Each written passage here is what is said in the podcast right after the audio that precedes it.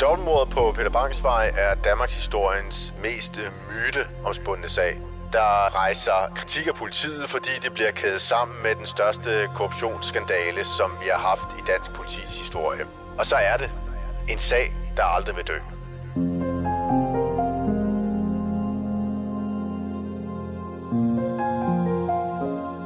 Et midalderne barnløst ægtepar fra det bedre borgerskab, der bliver ofre for en brutal forbrydelse.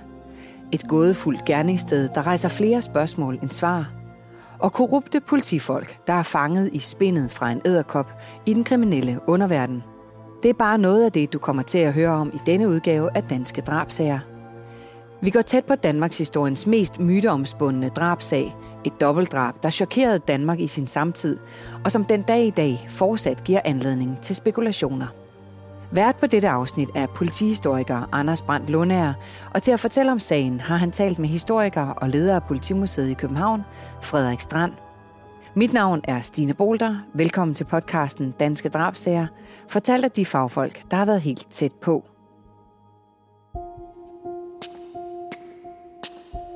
Hushjælpen går sine vante skridt op ad trapperne i lejlighedskomplekset på Frederiksberg.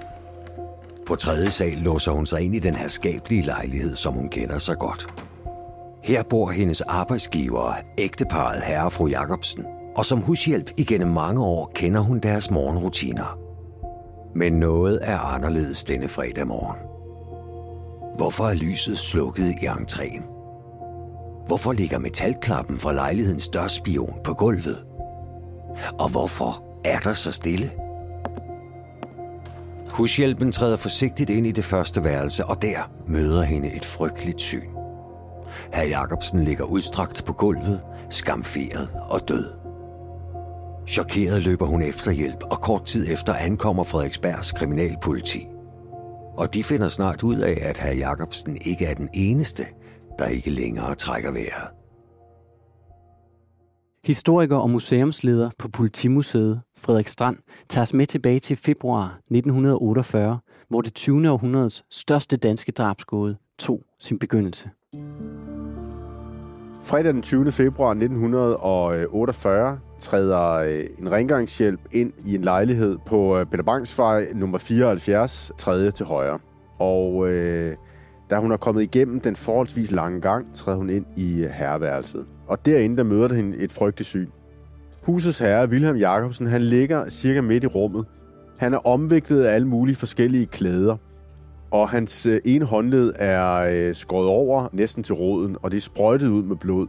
Man kan se, at det blødt også kraftigt fra ansigtet, som ellers er dækket til af et klæde. Men, men øh, ansigtet er halvt knust, og der ligger også en stol, som givetvis er blevet brugt til at knuse hans ansigt, ligesom hen over ham. Og øh, på ham, der ligger der en øh, herres baserstok. Og rengøringshjælpen, hun er selvfølgelig vildt opskræmt, da hun ser det her syn her, og er selvfølgelig nervøs for, at gerningsmanden eventuelt stadigvæk kan være inde i lejligheden. Men det lykkes hende at løbe ud af lejligheden, øh, få adgang til en telefon, og derfra der ringer hun til politiet. Og øh, Frederiksberg politi, de øh, dukker op umiddelbart herefter i lejligheden. Og de går ind i lejligheden, og derinde der ser de selvfølgelig Wilhelm Jacobsen ligge der, frygtelig af ilde tilret. Men de går også videre ind i lejligheden. Og ind i lejlighedens soveværelse, der finder de fru Jacobsen, eller Inger Jacobsen. Hun ligger, og hun ligger på maven, og øhm, hendes baghoved er blevet knust. Hun ligger også på forskellige klæder, og sådan halvt omviklet af klæder, og man kan heller ikke se hendes, øh, hendes ansigt. Hun ligger jo på maven, og hovedet er, er knust. På hende, der ligger der en dame spacerestok. De ligger ligesom skråt, den ligger skråt hen over hende, ligesom også ved herre Jacobsen. Så der er altså to stokke på line. Og mens efterforskerne går og laver det her første gennemsyn af lejligheden, så ringer der jo en telefon ind i lejligheden. En af efterforskerne går hen og løfter røret og siger hallo. Og i det, han løfter røret og siger hallo, så bliver røret i den anden ende lagt på. Senere har man gistet om, at det kunne det være gerningsmanden, der muligvis øh, har ringet. Man finder ikke ud af det. Men der er altså det her telefonopkald, mens de stadigvæk går og undersøger lejligheden. I første halvdel af 1900-tallet var det ikke usædvanligt, at man så højere politiembedsmænd dukke op på det, som vi kunne kalde for friske gerningssteder. Og det skete også her i februar 1948, hvor selveste politimesteren på Frederiksberg mødte op for egenhændigt at besigtige gerningsstedet. Det besøg fik desværre den uheldige følgevirkning, at man senere kunne konstatere politimesterens solaftryk i en blodpøl. Det forhold skulle senere skabe grobund for en række konspirationsteorier. Men inden vi kommer så langt, skal vi tilbage til kriminalfolkenes spæde undersøgelser af gerningsstedet. Gennemgangen af lejligheden viste nemlig en række forhold, der var svære at forklare, gennemskue og forstå. Lejligheden bliver kortlagt via forskellige tegninger. Lejligheden bliver minutiøst aftegnet, og den bliver også minutiøst fotograferet. Og det, man kan se i forhold til lejligheden, det er, at det nok er det mystiske gerningssted, som vi har haft i Danmarks historien. På linet, der lå der som sagt en øh, herrespacerestok på øh, herre Jacobsen og en damespacerestok på fru Jacobsen. Stokkene viser sig efterfølgende at øh, stamme fra entréen, og de er taget fra et stativ der, og stokkene har oprindeligt tilhørt Inger Jacobsens familie. Det finder man ud af i forhold til stokkene. Det er altså for lejligheden. Gerningsmanden eller gerningsmanden har ikke bragt dem med sig. Det man yderligere finder ud af, det er, at gerningsmanden eller gerningsmændene har taget fra fru Jacobsen hendes stifttænder. Hun har nogle kunstige tænder i overmunden. De er blevet taget, og så er de sammen med hendes øreringe, som hun har båret, og som efterfølgende er blevet taget ud af hendes ører. Så de er blevet lagt på en radiatorhul inde i øh, spisestuen. Det er sådan meget fint placeret derinde på radiatorhylden. Hvorfor, ved vi ikke. Udover det, så er det sådan, at den eller de personer, der har begået drabene, har efterfølgende gået rundt i lejligheden og har øh, trukket øh, møbler, kommoder og forskellige ting ud fra væggene og har klippet elledningerne af og har taget elledninger med sig. Der er enkelte ledningsrester, som ligger ligesom tilbage i lejligheden, som man senere samler sammen. Det er ikke særlig mange, der er tilbage, men der er enkelte. På Politimuseet lavede vi i 2011 en særudstilling omkring det, hvor vi viste alle genstandene. Og der kunne man blandt andet se ledningsresterne, som er blevet samlet af politiet. I øvrigt også øh, Inger Jacobsens øreringe ørering og hendes stifttænder. De findes stadigvæk i dag. Så de her ledningsrester øh, øh, og så videre, som er blevet klippet af, dem har gerningsmanden eller gerningsmændene altså taget med sig. Udover det har øh, gerningsmanden også gået rundt i lejligheden og har klippet gardinsnore af og taget dem med sig. Hvorfor er øh, et åbent spørgsmål. Øh, der kommer ikke øh, nogen øh, afklaring på det efterfølgende. Så er der nogle forskellige brilleglas, som øh, har ligget i et skab. De er blevet spredt ud over nogle af lejlighedens rum. Hvorfor? Har man eftersøgt, har man let efter noget? Man ved det ikke, men de er ligesom blevet øh, spredt ud i lejligheden. Hvis vi ser på gangen, så er det også sådan, at der ligger en dørspion. Dørspionen er blevet revet af døren. Dørspionen er jo sådan, at man kan kigge ind ad døren, og så er der ligesom en metalklap for, og den kan man tage til siden, og så kan man kigge ud og se, om der står nogen øh, ude på den anden side af døren. Og den dørspion, den er også blevet revet af og ligesom smidt i gangen. Og det kunne tyde på, at den eller dem, som har begået drabene, har lige været hen og kigge ud af og til, og synes, det var besværligt at tage den dørspion fra, må vi formode, og derfor revet den af og smidt den på gulvet. Så det er altså en, der tit har været hen og kigge og se, om der vil komme nogen forbi. Spacerstokke placeret på de afdøde, flyttede møbler og afklippede ledninger og gardinsnore. Gerningsstedet rejste flere spørgsmål, end det besvarede. For at kunne indkredse mulige gerningsmænd, måtte kriminalfolkene forsøge at sandsynliggøre, hvilke mulige motiver, der kunne have ligget til grund for den forfærdelige forbrydelse. Et oplagt motiv kunne knytte sig til berigelse. Politiet undersøgte, om der kunne have været tale om rovmor. Der er nogle små skulpturer, som står, står på sådan en hylde, og de er måske sådan blevet flyttet rundt. Det er der i hvert fald nogen, der hævder, at de ikke står, som de plejer at stå. Så Måske i forbindelse med drabet er blevet flyttet, men der er ikke blevet taget noget. Det eneste, der mangler for lejligheden, det er nogle travblade. Der mangler angiveligt nogle travblade. Hvorfor der lige præcis mangler travblade, det er et godt og åbent spørgsmål. Og så mangler der to checks. Der mangler to checks, og på den ene check, der står der ikke noget, men på den anden check, der står der 8.500 mig selv. Altså det kan man se, det står i, i talongen, og i talongen, i sektoren, der kan man se, hvor meget der er udskrevet, og hvem det er udskrevet til. Så herr Jacobsen har, inden han bliver slået ihjel, udskrevet en check på 8.500 kroner, der er et ret højt beløb på det her tidspunkt her, til sig selv. Det lyder meget mærkeligt, og, og selve tjekken er væk, men den bliver aldrig hævet, den bliver aldrig indløst. Så det er egentlig, hvad der mangler for lejligheden, og så mangler måske også nogle få mønter, som herr Jacobsen havde i lommen. Så man kan roligt sige, at tingene peger virkelig i forskellige retninger her. Rovmor lader de jo ikke til at være, men er der noget rituelt måske i forbindelse med drabet? Det kunne noget jo så sandelig godt tyde på. Især det, at ledninger er blevet klippet af, at øreringe er blevet taget ud, og, i, og, og stifttænder er blevet taget ud af, af fru Jacobsen og lagt et sted i lejligheden. Det er jo også højst mærkværdigt. Og så er der selvfølgelig også det med stokkene. Hvad skal stokkene symbolisere? Hvorfor ligger der stokke på offrene? Og der bliver lavet en, en meget, meget grundig og minutiøs efterforskning i forbindelse med de her stokke her. Man undersøger dels, om stokkene har kunne være brugt i forbindelse med drabet. Det vil sige, kunne de være en form for drabsvåben? Og det kan man konkludere, det er de ikke. De er alt for spinkle til at kunne have været drabsvåben, så de er ikke blevet brugt som drabsvåben. Så undersøger man, at de kan være brugt i en eller anden sammenhæng til at flytte noget eller sådan noget. Altså på offrene, altså de er brugt til at trække noget frem eller tilbage. Den slags ting. Men det kan man heller ikke se. Altså, stokkene er lagt på offrene sådan helt bevidst, og som det ser ud, for at fortælle eller sige et eller andet. Men hvad er det, som man vil fortælle eller sige med de her stokke her?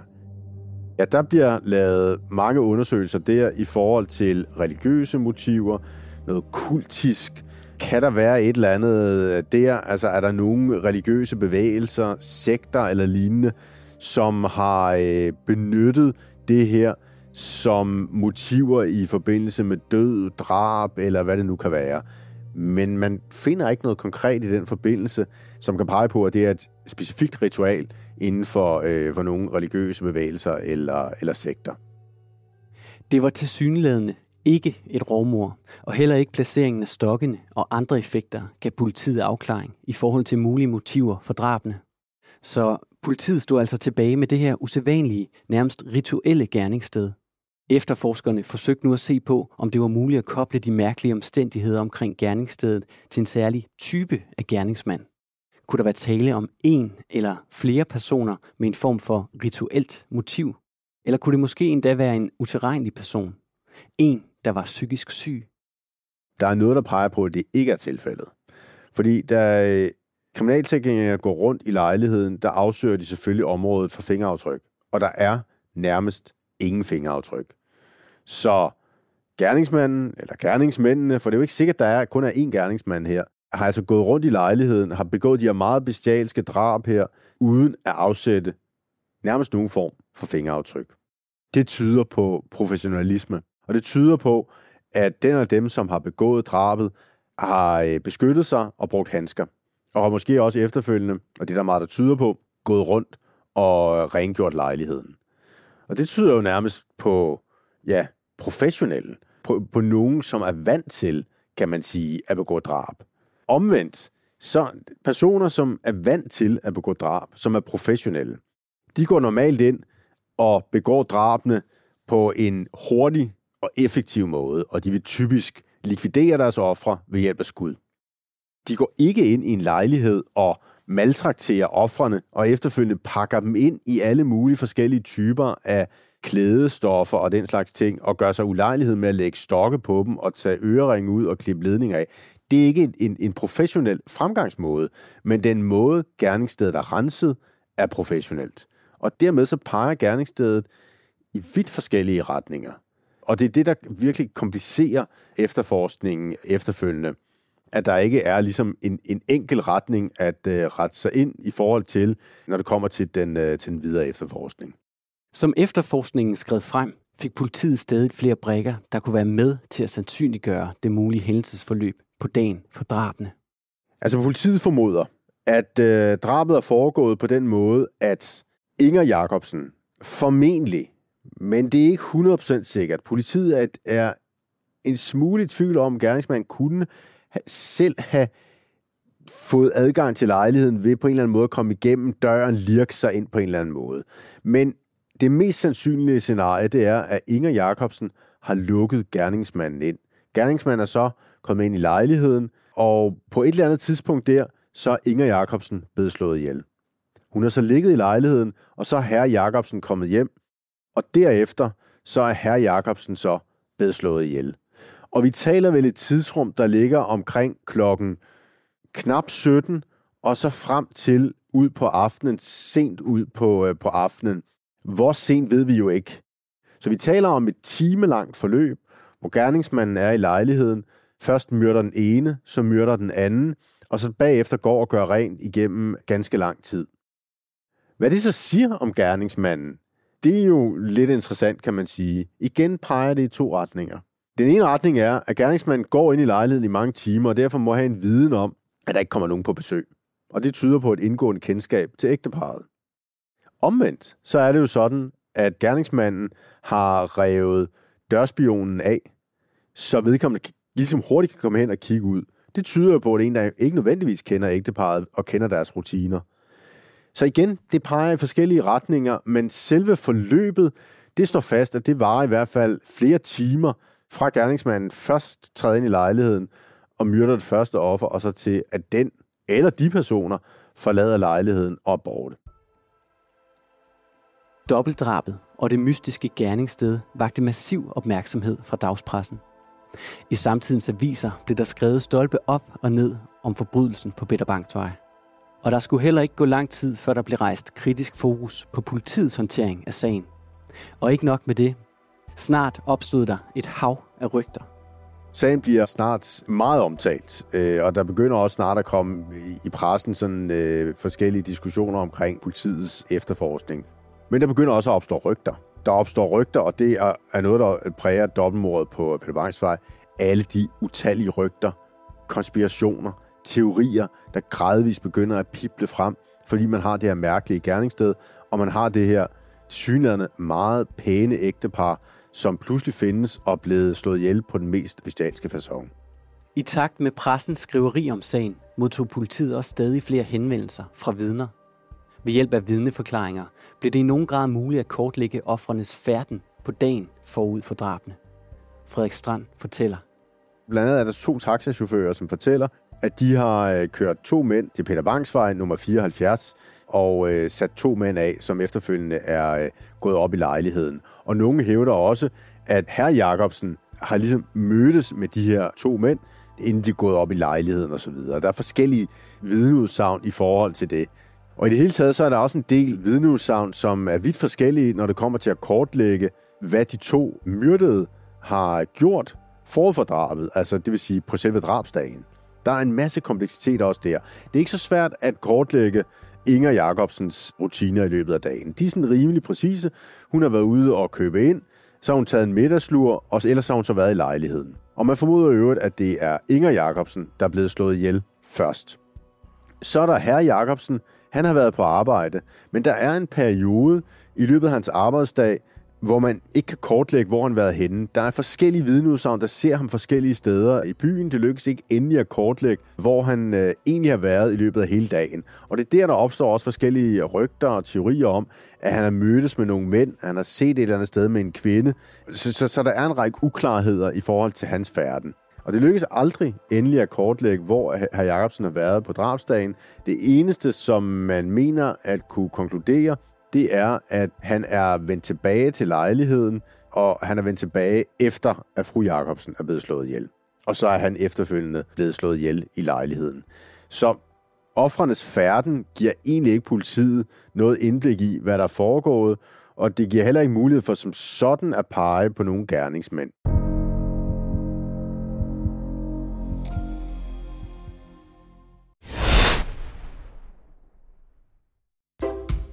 Arbejder du sommetider hjemme? Så er Bog og ID altid en god idé. Du finder alt til hjemmekontoret, og torsdag, fredag og lørdag får du 20% på HP printerpatroner. Vi ses i Bog og ID og på Bog og ID.dk. Harald Nyborg. Altid lave priser. Adano robotplæneklipper kun 2995. Stålreol med fem hylder kun 99 kroner. Hent vores app med konkurrencer og smarte nye funktioner. Harald Nyborg. 120 år med altid lave priser. Haps, haps, haps. Få dem lige straks. Hele påsken før, imens billetter til max 99. Haps, haps, haps Nu skal vi have... Orange billetter til max 99. Rejs med DSB Orange i påsken fra 23. marts til 1. april. Rejs billigt, rejs orange. DSB, rejs med. Haps, haps, haps. Vi har opfyldt et ønske hos danskerne. Nemlig at se den ikoniske tom skildpadde ret sammen med vores McFlurry. Det er da den bedste nyhed siden nogensinde. Prøv den lækre McFlurry tom skildpadde hos McDonald's.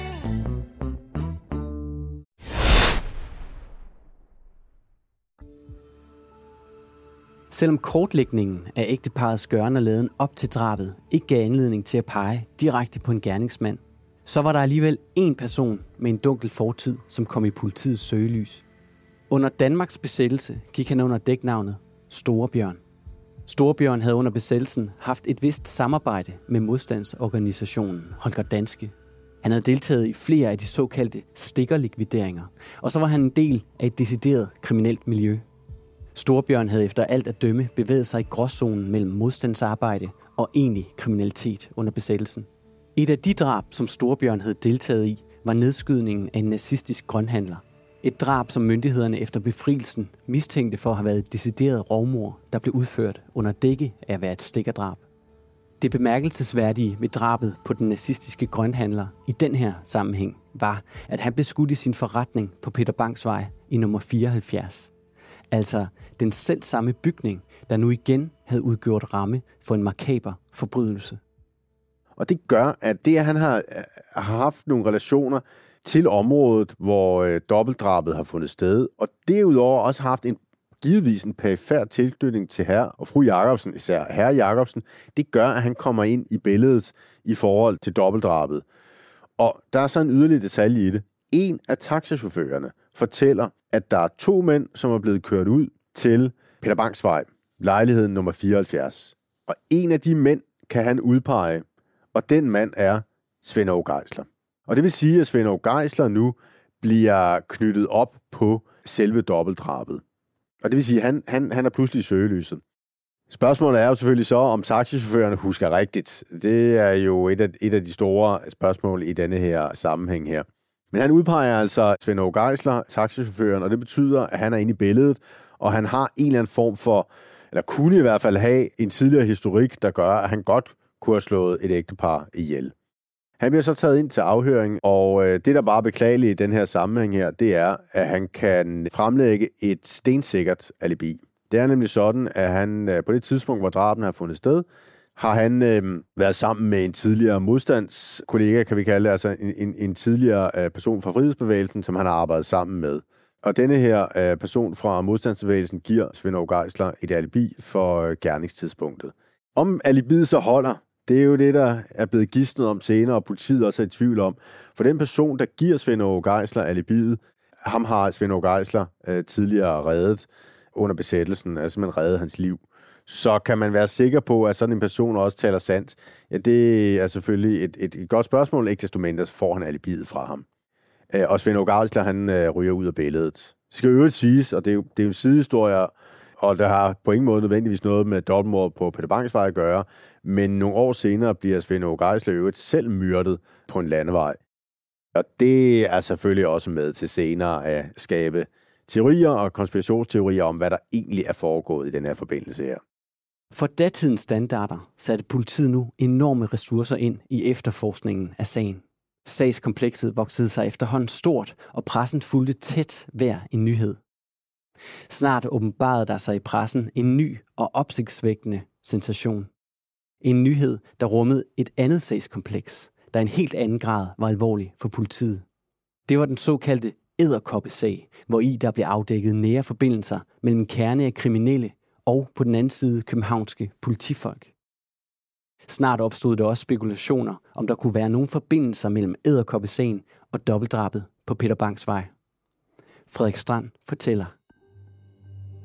Æderkopsagen finder sted i slutningen af 1940'erne, og den bunder i, at der er to journalister, den ene hedder Erik Nørgaard, som i slutningen af 40'erne afdækker korruption i Københavns krisepoliti, en særlig afdeling, der står for den sorte børs. Og der finder man ud af, at nærmest hele den afdeling af krisepolitiet er involveret i øh, forskellige former for sortbørshandel, eller har ladet sig bestikke i hvert fald.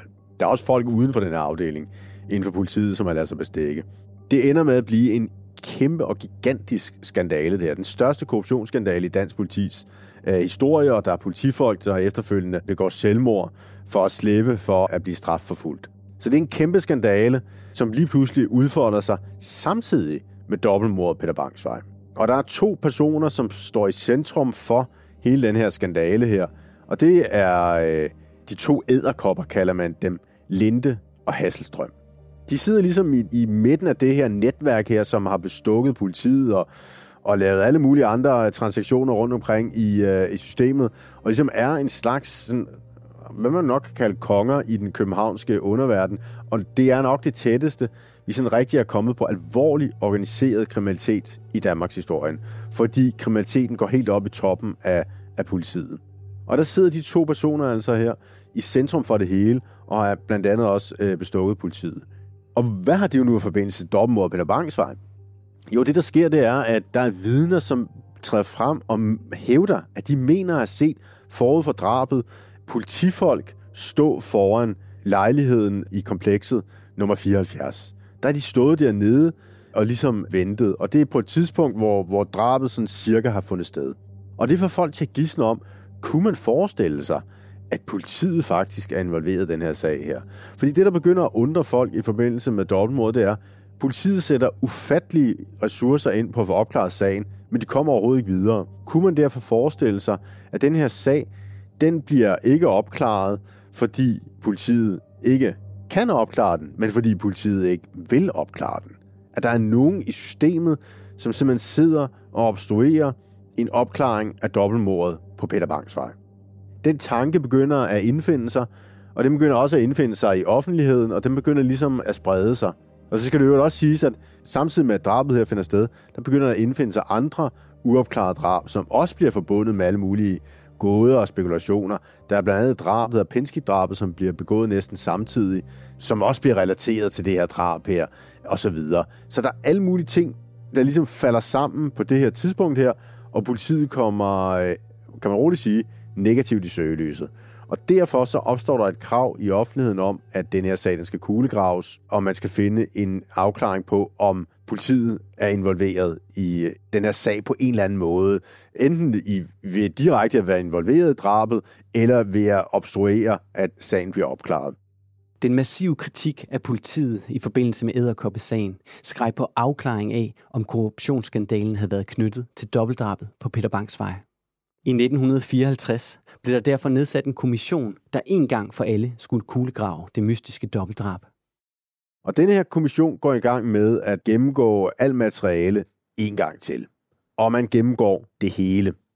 Man gennemgår al regnskab. Det er jo sådan, at Wilhelm Jacobsen har været ansat i en klædevarefirma, der hedder English House, og der har han været en form for forretningsfører der, og man kuglegraver også hele selskabets økonomi, og ser, om der er nogle relationer tilbage til besættelsen, om han på en eller anden måde har involveret med tyskerne. Alle den slags ting, de bliver kuglegravet. Også om der er nogle, nogle, nogle transaktioner, nogle handler med udlandet, som kunne spille ind her.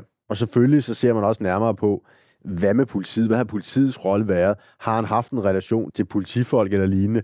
Er der en relation, og det er måske det væsentligste, til øh, Linde og Hasselstrøm?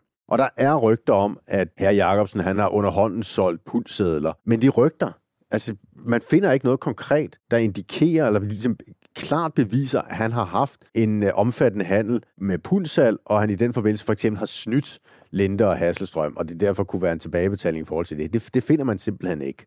Så et, et økonomisk spor bliver altså eftersøgt, politisporet bliver eftersøgt, og man, man finder simpelthen ikke noget konkret i, øh, i den sammenhæng. Men der er et sidste spor, som også bliver eftersøgt. Og det er sådan, at der er en af efterforskerne, som gør noget, der formentlig er, er ganske klogt, kan man sige, i en eller anden sammenhæng. Han begynder at gennemgå de allerførste afhøringsrapporter i forbindelse med sagen. I den fornyede gennemgang af sagskomplekset hæftede efterforskeren sig særligt ved en bestemt afhøringsrapport. Det var en rapport med informationer, der var blevet afgivet af underboens husbestyrerinde, der boede på et værelse under ægteparet. I rapporten fortalte hun, at hun torsdag den 19. februar 1948, altså dagen inden ægteparet blev fundet dræbt, havde hørt en række usædvanlige lyde fra de ellers rolige beboere i lejligheden ovenpå. Det er sidst på eftermiddagen torsdag den 19. februar 1948. Frøken Jensen hører flere kraftige bump fra lejligheden ovenover. Mon ægteparet ovenpå er i færd med at rykke rundt på møblerne. Lydene stopper, men senere, kort før midnat, hører hun lyden af tunge, slæbende skridt fra lejligheden ovenover. Bagefter hører hun vandhanens rislen fra overboens køkken. Og så er der stille igen. Inden sengetid går frøken Jensen en kort tur med sin hund. Og da hun er tilbage i lejligheden på anden sal, hører hun igen tunge skridt fra lejligheden på tredje sal. Imens hun forsøger at falde i søvn, fortsætter lyden af nogen, der igen og igen går frem og tilbage over hende. Da efterforskeren senere læste vidneudsagnet fra frøken Jensen om de mange rumsterende lyde fra ægteparets lejlighed, fik han pludselig den tanke, at der netop i det her udsagn kunne ske at være en nøgle til opklaringen. En nøgle, der hidtil havde været overset. Det særligt i øjnefaldene for efterforskeren var informationen om de tunge, slæbende trin. Og det, der slår ham, det er, at der, der har været en person i spil tidligere, på ingen måde som mistænkt i sagen, men som ligesom har været involveret i sagen, og som har hjulpet politiet med informationer. Og den person, han hedder Erik Ramdal. Og Erik Ramdal, han er familiens nok bedste ven. Og Erik Ramdal, han er på det tidspunkt, hvor efterforskningen lige er i sin vorden, altså det vil sige dagen efter, at drabet har fundet sted, der dukker han op i lejligheden og tilbyder politiet sin assistance. Han arbejdede jo lige ved siden af, han arbejdede på øh, Frederiksberg Rådhus. Og han tilbyder politiet sin assistance, og det giver fin mening på det tidspunkt her. Fordi øh, man skal tænke på, at ægteparet har jo ingen børn, der kan hjælpe med informationer. Og han er deres næreste ven, så han dukker op, og han siger, skulle I have brug for informationer, så står han altid til rådighed. Og så han har altså stået til rådighed, og han har hjulpet politiet undervejs i forbindelse med, øh, med at give dem øh, forskellige informationer om, øh, om ægteparet, hvor der nu har været behov for det. Det skal øvrigt også dertil siges, at øh, Erik Ramdal, han har jo også købt en stor del af ægteparets bohave. Og det er jo sket efter, at øh, efterforskningen ligesom er gået i stå. Så kan politiet jo ikke have alt det her bohave stående på lager i så lang tid. Og derfor så er det blevet sat på aktion. Og hvem har så købt det her bohave? Ja, det har Erik Ramdal. Så han har stole og lamper, og lampen er måske endda gerningsvåben i forhold til, øh, til, til fru Jacobsen. Øh, måske har det været brugt i forbindelse med drabet, og vi ved i hvert fald, at en af stolene har været brugt i forbindelse med drabet på herr Jacobsen. Alt det, det er blevet sat til salg, og han har altså købt en del af det, Erik Ramdal, og har det stående på sin bogpæl. Men nu den her efterforsker, der sidder og kigger på det her materiale her, han kommer simpelthen i tanke om, jamen øh, Erik Ramdal, han har jo en fejl i benet efter en, en sygdom, han har haft som barn, der betyder, at han trækker benet efter sig. Og det vil altså sige, at personen, der har gået derop og pjasket med vand, og som har ligesom trukket benet efter sig, det kunne jo i realiteten godt være Erik Ramdal. Det passer i hvert fald i forhold til benet. Det var altså underboen frøken Jensens vidneforklaring om de tunge slæbende trin, der fik politiet til at rette fokus på en ven af ægteparet. Formodninger eller påfaldende sammenfald kunne imidlertid ikke løfte bevisbyrden. Så efterforskeren gik i gang med at forsøge at klarlægge vens alibi på dagen for dobbeltdrabet. Der finder han ud af, at han, han har faktisk påstået, at, at, at han har været et andet sted på det tidspunkt, hvor, hvor drabet har fundet sted. Han hævder, at han har været i, øh, i noget, der hedder Musikforeningen, øh, men han har været der alene. Øh, og der er ikke umiddelbart nogen, der kan bekræfte, eller, og nu er det også et stykke tid siden, at man først begynder at gå efter i detaljer senere. Der er ikke nogen, der kan bekræfte, at de har set ham der i Musikforeningen. Men her er vi jo også fremme i 54, jo seks år siden, kan man sige. Men, men det er det, han hævder, men har ikke som sådan noget alibi øh, ellers på, på gæringstidspunktet. Noget, han også stusser over, det er, at Erik Ramdal, han tidligere har, øh, han har nævnt, at øh, han hver fredag, der har han sådan en fast rutine, hvor han kommer og besøger fru Jacobsen, og så har han noget frisk lever med til hende. Og det undrer man sig over, fordi hvorfor i verden skal fru Jacobsen have frisk lever hver øh, fredag? han siger, at det har noget at gøre med, at, at det er godt for hende i forhold til hendes blod osv. Men man undersøger så i forhold til hendes læge, og lægen siger, tværtimod, nej, det har hun på ingen måde hov for. Man kan ikke se, hvorfor hun skal have det her. Men det hævder han altså. Og fra politiets side, der begynder man at få den tanke, at han har sagt det her omkring det friske lever, for ligesom, hvis nogen nu har set ham på gerningstidspunktet, så vil han kunne have en forklaring på, hvor han, hvorfor han er der. Han er simpelthen forbi for at aflevere noget frisk lever. Så det er sådan en historie, han har bygget op for ligesom at kunne forklare sin tilstedeværelse på gerningstidspunktet. Så der er altså forskellige sådan, man kan jo ikke sige beviser, men, men indiger på, at han måske godt kunne være involveret i øh, drabet Erik Ramdal. Og det kommer selvfølgelig som et chok for, øh, for politiet, for den person, som de har brugt som indgang til hele sagen og til informationen om ægteparet. Han er måske gerningsmanden. De har fået det hele. De er blevet håndfodret, om man så må sige, af gerningsmanden. Der er ikke noget at sige til, at det vagte ubehag for politiet, da man konstaterede, at en mulig mistænkt til forbrydelsen var blevet inddraget i sagen i det omfang, det havde været tilfældet her. Man så nu på ægteparets familieven i et helt nyt og anderledes lys. Hans gøren og laden forekom suspekt. Efterforskerne forsøgte nu at klarlægge, hvilke mulige grunde vennen eventuelt kunne have haft for at begå dobbeltdrabet. Det var altså hans motiv, man nu ville klarlægge. Frederik Strand fortæller. Så der står man så altså, og hvad skulle egentlig være motivet til, at Erik Ramdal skulle stå bag det her drab her? Det er selvfølgelig et åbent spørgsmål, men det, der ligger lige for, og det, som øh, er politiets teori på området her, det er, at han har haft en affære med, øh, med fru Jacobsen. Noget så simpelt. Og øh, i forbindelse med den affære, så er noget gået galt. Han har været derhenne, og, og mens han har været i lejligheden, så er noget øh, gået op i en spids. Man kunne gisne om, at øh, fru Jacobsen hun måske ville afsløre deres forhold over for Erik Ramdals kone, sin egen mand. Det er jo rent gissninger, men sådan noget kunne have fundet sted. Og der er der så sket det, at øh, Erik Ramdal har øh, slået først Inger Jacobsen ihjel, så er øh, William Jacobsen kommet hjem efterfølgende, har opdaget, hvad der er sket, og så har han også slået øh, William Jacobsen ihjel. Og så kommer vi til det springende punkt, fordi der er jo stadig gerningsstedet. Efterfølgende må man så formode, at Erik Ramdal er gået rundt og har lavet alle de her mystiske ting. Lagt stokke på ligene, taget øh, øreringen og, og stifttænder ud og lagt dem på radiatorhylden, klippet ledninger af, alle de her forskellige ting her. Og det med henblik på at vildlede politiet sådan at politiet simpelthen skulle stå med et gerningssted, der pegede i alle mulige retninger, hvorefter efterforskningen ville gå i stå. Det er en mulighed, at sådan noget har fundet sted, men det er også meget sindrigt. Det er sindrigt, det er specielt. Jeg er i hvert fald ikke bekendt med, at der findes nogen anden lignende sag, hvor en gerningsmand har øh, forsøgt at maskere et dobbeltdrab på den her måde her, fordi vedkommende har slået en elskerinde ihjel. Jeg har ikke oplevet noget lignende, men, men det er politiets, altså det, det kunne være den måde, det var sket på, og det er altså politiets teori i, uh, i den her sammenhæng her. Og man konfronterer Erik Ramdahl med det, men han benægter pur, at sådan noget skulle, uh, skulle have fundet sted. Han hævder, at han har været i musikforeningen på det tidspunkt, hvor drabet fandt sted. Yderligere er der ikke noget at, at komme efter der. Og han holder fast i sin historie omkring det her med, med leveren, og ændrer ikke på noget. Og, og siger jo øvrigt helt rimeligt, at det er seks år siden, og det kan være svært for nogen at huske, om han har været i musikforeningen og lignende. Så han, han holder fast i sin historie, der et senere efter, dukker op på forskellige vis, og han bliver også på forsiden af BT, bliver han blandt andet udråbt som, øh, som gerningsmand til, øh, til dobbeltdrabet. Den gamle familieven af ægteparet nægtede at have været impliceret i dobbeltdrabet, og det blev heller aldrig en officiel teori for politiet, at han skulle have været drabsmanden. Efterforskningen af den gamle familieven skulle imidlertid blive det tætteste, politiet kom på at pege på en mulig gerningsmand, selvom det ikke kunne bevises. Efterfølgende opstod der andre steder en lang række teorier om mulige gerningsmænd og hændelsesforløb. Frederik Strand fortæller. Der er en teori, der lægger sig op af Ramdal-teorien. I virkeligheden så er Ramdal-teorien jo i sin essens, at fru Jacobsen har haft forhold til en anden mand, og det forhold er mundet ud i dobbeltdrabet.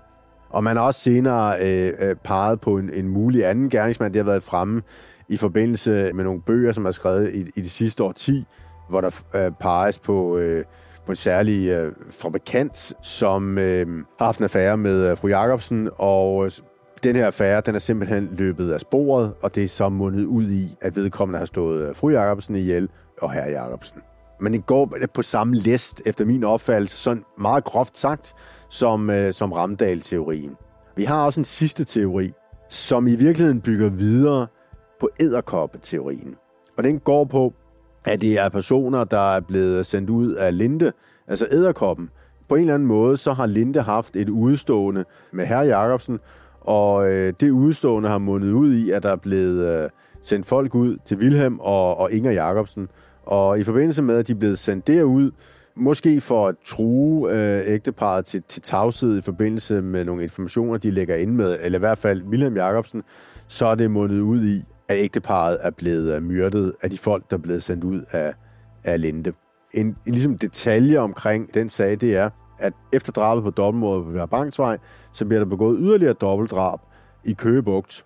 Og der er der tale om, at øh, ifølge denne her teori her, at nogle af de folk, som er involveret i øh, dobbeltdrabet i Køge Bugt, ja, de er også involveret i øh, dobbeltdrabet på Peter Bangs vej. Og det skyldes også, at vedkommende, som begår dobbeltdrabet i Køge Bugt, han hævder, at han har slået gerningsmanden til dobbeltmordet på øh, Peter Bangs vej ihjel.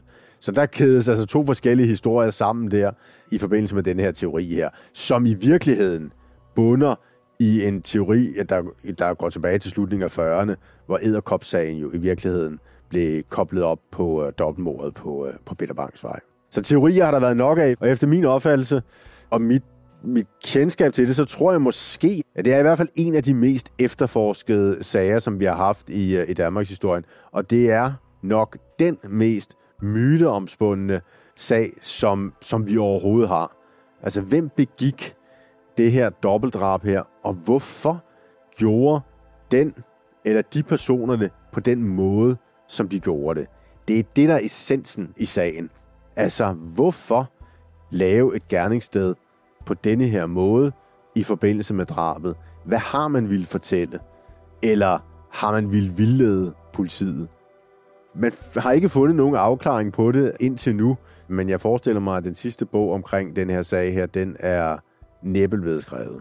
Så sagen i dag omkring øh, dobbeltmordet på Peter Bangs vej, den er fortsat uopklaret.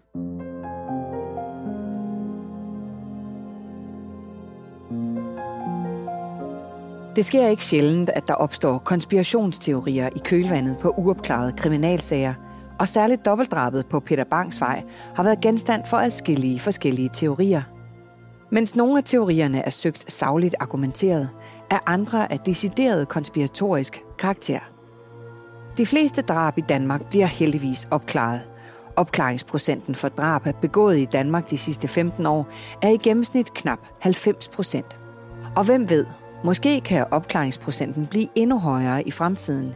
I april 2023 vedtog Folketinget et beslutningsforslag på baggrund af et borgerforslag, der skal give politiet mulighed for at bruge genetisk slægtsforskning i efterforskningen af drab og grov personfarlig kriminalitet. Tak til forfatter, historiker og leder af Politimuseet, Frederik Strand. Vært på denne episode var historiker Anders Brandt Lundager. Speaks indtalt af Henrik Forsum. Musik af potmusik.dk. Klippet af Rasmus Svinger og produceret af Bauer Media og True Crime Agency. Mit navn er Stine Bolter. Tak fordi du lyttede med.